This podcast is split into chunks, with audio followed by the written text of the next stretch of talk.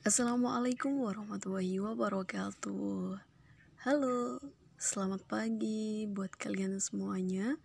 Semoga hari ini kabar kalian baik-baik saja.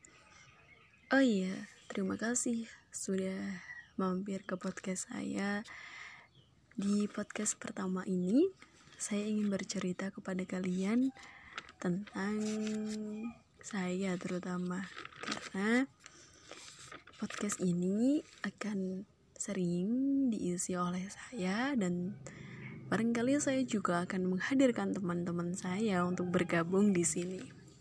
Nah, selanjutnya kalian pernah merasakan gak sih bagaimana kok bisa hidup di dunia ini?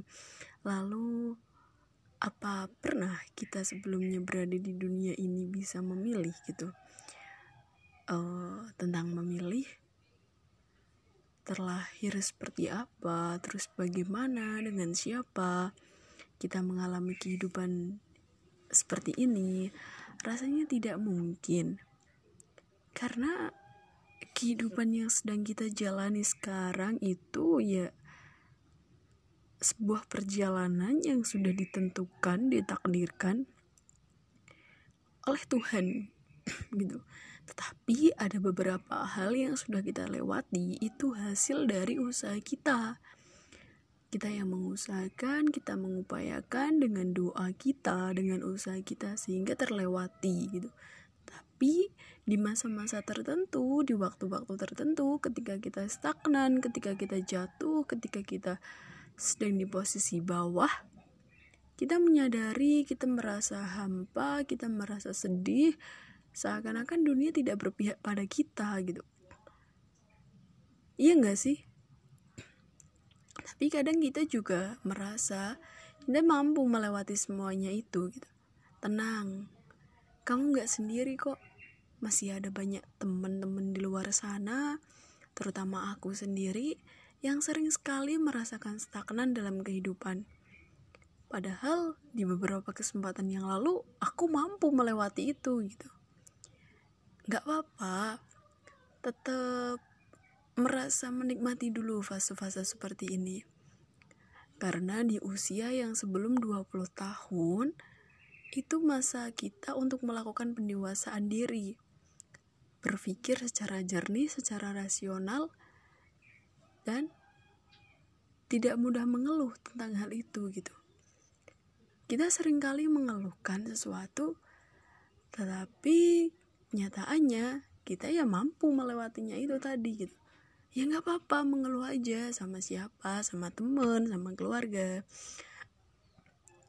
Semua baik untuk dilakukan. Namun yang perlu kita ketahui adalah jangan pernah menyerah untuk itu. Jangan pernah menyerah. Apa pun itu semuanya dilakukan dengan penuh semangat penuh pendewasaan, berdoa dengan Tuhan, dan yang pasti selalu bersyukur dalam setiap kesempatan. Oke, sebelumnya dilanjut ke sesi berikutnya. Izinkan saya memperkenalkan diri saya terlebih dahulu karena tak kenal maka tak sayang gitu kan. Oke, nama saya Nur Laila Masruroh. Teman-teman biasanya memanggil saya dengan sebutan Ella, La Masruroh, ataupun Mbak Ella dan sebagainya. Terserah kalian ingin menganggap saya sebagai apa. Saya di sini akan menemani kalian bercerita, berbagi pengalaman, sharing tentang organisasi, tentang keluarga saya, tentang kepribadian saya yang semoga saja bisa memotivasi kalian untuk bangkit dari apa yang sedang kalian alami. Saat ini saya semester 3 di Universitas UIN Wali Songo Semarang. Eh, kesibukan saya adalah pembelajar, saya menyukai dunia membaca, saya menyukai menulis, tapi masih amatiran. Saya masih berusaha untuk mencintai membaca lebih ke pengetahuan. Karena dari dulu saya mencintai buku yang sifatnya ke novel ala santri gitu. Untuk novel-novel yang umum itu belum saya cintai terlebih dalam gitu. Nah, pada akhirnya saya sekarang lagi mencintai pembacaan-pembacaan yang sifatnya umum seperti mata kuliah, analisis-analisis, teori-teori dan sebagainya. Uh, saya semester 3, saya sekarang tinggal di rumah. Di rumah kesibukan saya masih biasa-biasa saja. Saya biasa jadi bantu-bantu saja di masyarakat, di organisasi ataupun di komunitas dan sebagainya. Saya mencintai perjalanan, saya mencintai ziarah, saya mencintai kedua orang tua saya, dan inilah saya dengan semua kekurangan-kekurangan saya dan kelebihan saya saya tidak tahu apa. Semoga saja nanti di cerita selanjutnya saya mampu berkisah, bercerita kepada kalian semua dan lagi bisa memotivasi kalian. Sekian dulu dari saya, kurang lebihnya saya mohon maaf. Akhirul kalam. Wassalamualaikum warahmatullahi wabarakatuh. Assalamualaikum warahmatullahi wabarakatuh. Halo, selamat pagi teman-teman semuanya. Gimana kabar kalian semua? Semoga kabarnya baik-baik saja. Nah, pada kesempatan kali ini ketemu lagi bersama saya Nur Laila Masruroh dalam podcast Modal Perjuangan. Pada kesempatan ini saya akan berbagi cerita mengenai kehidupan yang jelas. Dalam artian kita harus memiliki tujuan yang jelas gitu. Kalian sadar gak sih bahwasanya hidup manusia ini seperti seorang pengembara pandangan-pandangan yang seperti itu ada benarnya juga gak sih? Sebab antara keduanya itu memiliki kemiripan. Meskipun tidak dapat dikatakan sama persis ya tadi antara hidup dan seorang pengembara perjalanan hidup dan seorang pengembara tuh bisa dikatakan sama persis tetapi ya tidak gitu bisa dipahami ya paling sampai di sini terus kemudian uh, perjalanan kehidupan manusia itu juga dihiasi dengan berbagai persyaratan-persyaratan yang membuat kita ketika menjalani hidup tuh tidak bisa mulus. Sekian dari persyaratan yang aku tahu, ya kita harus melakukan pengembara. Pengembara itu kan orang yang memiliki tujuan. Orang melakukan aktivitas sekeliling, terus kemudian mencari, menjelajah mana pun, mengembara itu kan menjelajah misal mengembara di hutan dan sebagainya. Dia kan ada tujuannya ke sana itu ngapain seperti itu. Sama ketika hidup. Hidup tuh ya kita harus butuh tujuan. Tujuan tuh apa? Mau ngapain mau memiliki prinsip yang bagaimana hidup yang bagaimana gitu nah perjalanan ini itu bagian dari separuh keberhasilan kita seketika selagi kita menyusun perencanaan, bisa melakukan tujuan yang jelas, kamu itu separuh lebih berhasil dari teman-teman kamu yang belum melakukan perencanaan itu gitu. Makanya menetapkan sebuah tujuan itu ya aku akui bagian dari kesuksesan diri kita. Gitu. Tetapi separuhnya lagi selain menentukan tujuan hidup kita, kita juga harus menyiapkan bekal yang cukup. Kesiapan yang matang, kegigihan gitu. Seperti halnya ilmu pengetahuan untuk menunjang kita lebih ke depannya menjalani hidup. Misal, kamu ingin hidup berbisnis, ya kamu harus mengetahui materi tentang bisnis itu dengan cara melakukan pelatihan-pelatihan, kursus-kursus, praktek praktek lapangan dunia berbisnis dengan cara konsisten gitu. Sama ketika kamu ingin menjadi seorang hafidoh, kamu juga harus melakukan pembekalan yang sangat harus gigih, matang, seperti merutinkan menghafal, mencari cara merojaah yang baik dan benar seperti apa. Nah, ilmu-ilmu yang didasari itu harus menjadi pelengkap tujuan itu. Ilmu amal dan rasa kesungguhan kitmah gitu. Nah, Tetapi bagi seseorang yang tidak memiliki tujuan, pasti sama dengan siksaan. Siksaan yang rasanya tuh perih banget gitu bagi seorang pengembara ya bagi seseorang yang karena tadi hidup itu seperti seorang penggembara ya ke mana kita mau pergi tidak tahu arah gitu. Bahkan setiap langkah yang kita ayunkan itu selalu saja ada bayang-bayang keraguan, terus menghantui, ragu jika tersesat, ragu dengan tujuan tak tercapai seperti itu. Itu adalah bagian dari orang-orang yang tidak memiliki pembekalan yang cukup. Makanya setiap diri kita kalau bisa harus memaksimalkan potensi untuk menyusun perencanaan di kemudian hari supaya apa? Hidup kita lebih terarah gitu. Tujuan yang tujuan saja yang belum cukup. Tujuan itu harus ya harus tadi harus jelas. Tidak samar-samar. Apalagi ketika kita sudah menentukan tujuan tiba-tiba kabur tidak tanggung jawab dengan tujuan itu.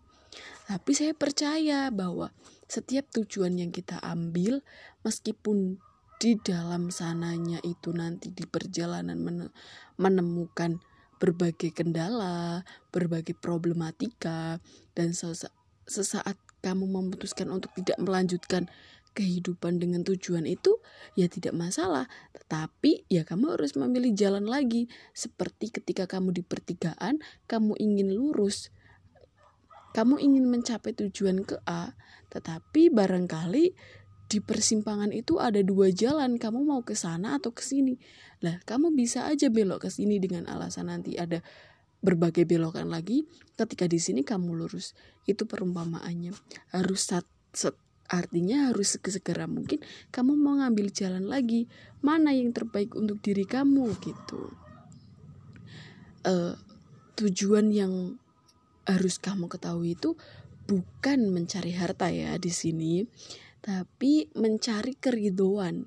Keridoan selain mencari hidup itu, selain mencari kebenaran dalam diri kita masing-masing, mencari ridho orang tua, mencari ridho Allah, tetapi kamu harus memiliki skill, kemampuan yang harus kamu asah sendiri. Tujuannya selain untuk meningkatkan kualitas diri sendiri yaitu untuk membanggakan untuk meningkatkan untuk mengangkat derajat orang tua sehingga Allah akan meridhoi. Nah, ini yang harus kita menjadi PR semuanya bahwasanya hidup itu tidak semudah apa yang kita kira. Tidak rebahan lalu bisa mencapai apa yang kamu inginkan. Itu tidak. Ya, harus senantiasa dengan cara bersyukur, berikhtiar, belajar, dan merencanakan sesuatu itu. Oke, jangan pernah malas dalam menyusun strategi, selalu kembangkan apa yang ingin kamu inginkan dan belajar untuk senantiasa tidak pernah tidak istiqomah.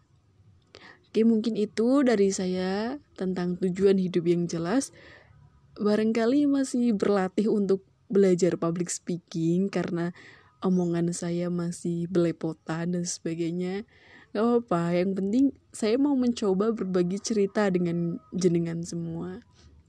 Sampai ketemu lagi salam semangat dari Ella. Wassalamualaikum warahmatullahi wabarakatuh.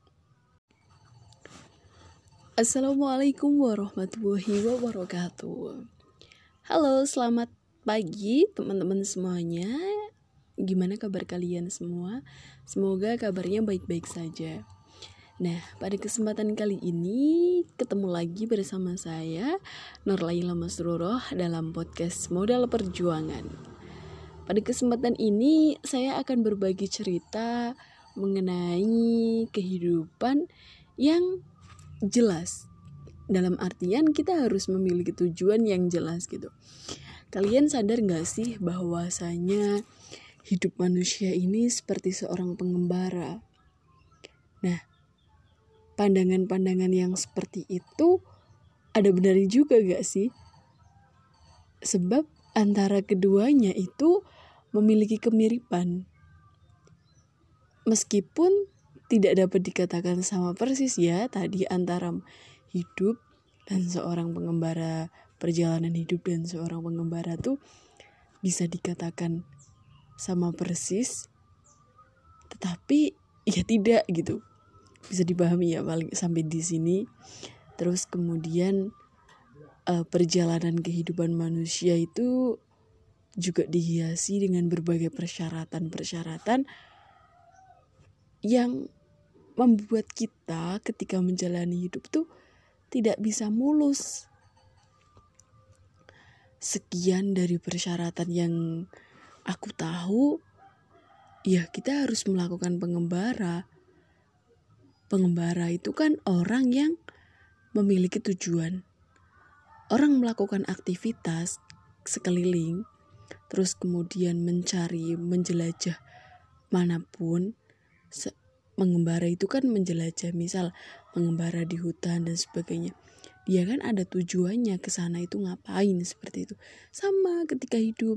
Hidup tuh ya kita harus butuh tujuan. Tujuan tuh apa? Mau ngapain mau memiliki prinsip yang bagaimana hidup yang bagaimana gitu nah perjalanan ini itu bagian dari separuh keberhasilan kita seketika selagi kita menyusun perencanaan, bisa melakukan tujuan yang jelas, kamu itu separuh lebih berhasil dari teman-teman kamu yang belum melakukan perencanaan itu gitu. Makanya menetapkan sebuah tujuan itu ya aku akui bagian dari kesuksesan diri kita. Itu. Tetapi separuhnya lagi selain menentukan tujuan hidup kita, kita juga harus menyiapkan bekal yang cukup. Kesiapan yang matang, kegigihan gitu. Seperti halnya ilmu pengetahuan untuk menunjang kita lebih ke depannya menjalani hidup. Misal, kamu ingin hidup berbisnis, ya kamu harus mengetahui materi tentang bisnis itu dengan cara melakukan pelatihan-pelatihan, kursus-kursus, praktek praktek lapangan dunia berbisnis dengan cara konsisten gitu. Sama ketika kamu ingin menjadi seorang hafidoh, kamu juga harus melakukan pembekalan yang sangat harus gigih, matang, seperti merutinkan menghafal, mencari cara merojaah yang baik dan benar seperti apa. Nah, ilmu-ilmu yang didasari itu harus menjadi pelengkap tujuan itu. Ilmu amal dan rasa kesungguhan kitmah gitu. Nah, tetapi bagi seseorang yang tidak memiliki tujuan, pasti sama dengan siksaan. Siksaan yang rasanya tuh perih banget gitu bagi seorang pengembara ya bagi seseorang yang karena tadi hidup itu seperti seorang penggembara ya ke mana kita mau pergi tidak tahu arah gitu. Bahkan setiap langkah yang kita ayunkan itu selalu saja ada bayang-bayang keraguan, terus menghantui, ragu jika tersesat, ragu dengan tujuan tak tercapai seperti itu. Itu adalah bagian dari orang-orang yang tidak memiliki pembekalan yang cukup. Makanya setiap diri kita kalau bisa harus memaksimalkan potensi untuk menyusun perencanaan di kemudian hari supaya apa? Hidup kita lebih terarah gitu. Tujuan yang tujuan saja yang belum cukup. Tujuan itu harus ya harus tadi harus jelas. Tidak samar-samar apalagi ketika kita sudah menentukan tujuan tiba-tiba kabur tidak tanggung jawab dengan tujuan itu. Tapi saya percaya bahwa setiap tujuan yang kita ambil, meskipun di dalam sananya itu nanti di perjalanan menemukan berbagai kendala, berbagai problematika, dan sesaat kamu memutuskan untuk tidak melanjutkan kehidupan dengan tujuan itu ya tidak masalah. Tetapi ya kamu harus memilih jalan lagi. Seperti ketika kamu di pertigaan kamu ingin lurus. Kamu ingin mencapai tujuan ke A, tetapi barangkali di persimpangan itu ada dua jalan, kamu mau ke sana atau ke sini. Lah, kamu bisa aja belok ke sini dengan alasan nanti ada berbagai belokan lagi. Ketika di sini kamu lurus. Itu perumpamaannya. Harus sat, artinya harus segera mungkin kamu mau ngambil jalan lagi. Mana yang terbaik untuk diri kamu gitu. Uh, tujuan yang harus kamu ketahui itu bukan mencari harta ya di sini tapi mencari keridoan. Keridoan selain mencari hidup itu selain mencari kebenaran dalam diri kita masing-masing, mencari ridho orang tua, mencari ridho Allah, tetapi kamu harus memiliki skill, kemampuan yang harus kamu asah sendiri. Tujuannya selain untuk meningkatkan kualitas diri sendiri, yaitu untuk membanggakan, untuk meningkatkan, untuk mengangkat derajat orang tua, sehingga Allah akan meridhoi. Nah, ini yang harus kita menjadi PR semuanya. Bahwasanya hidup itu tidak semudah apa yang kita kira. Tidak rebahan lalu bisa mencapai apa yang kamu inginkan. Itu tidak. Ya, harus senantiasa dengan cara bersyukur, berikhtiar, belajar, dan merencanakan sesuatu itu. Oke, jangan pernah malas dalam menyusun strategi, selalu kembangkan apa yang ingin kamu inginkan dan belajar untuk senantiasa tidak pernah tidak istiqomah. Oke, mungkin itu dari saya tentang tujuan hidup yang jelas. Barangkali masih berlatih untuk belajar public speaking karena omongan saya masih belepotan dan sebagainya gak apa-apa yang penting saya mau mencoba berbagi cerita dengan jenengan semua. Sampai ketemu lagi salam semangat dari Ella. Wassalamualaikum warahmatullahi wabarakatuh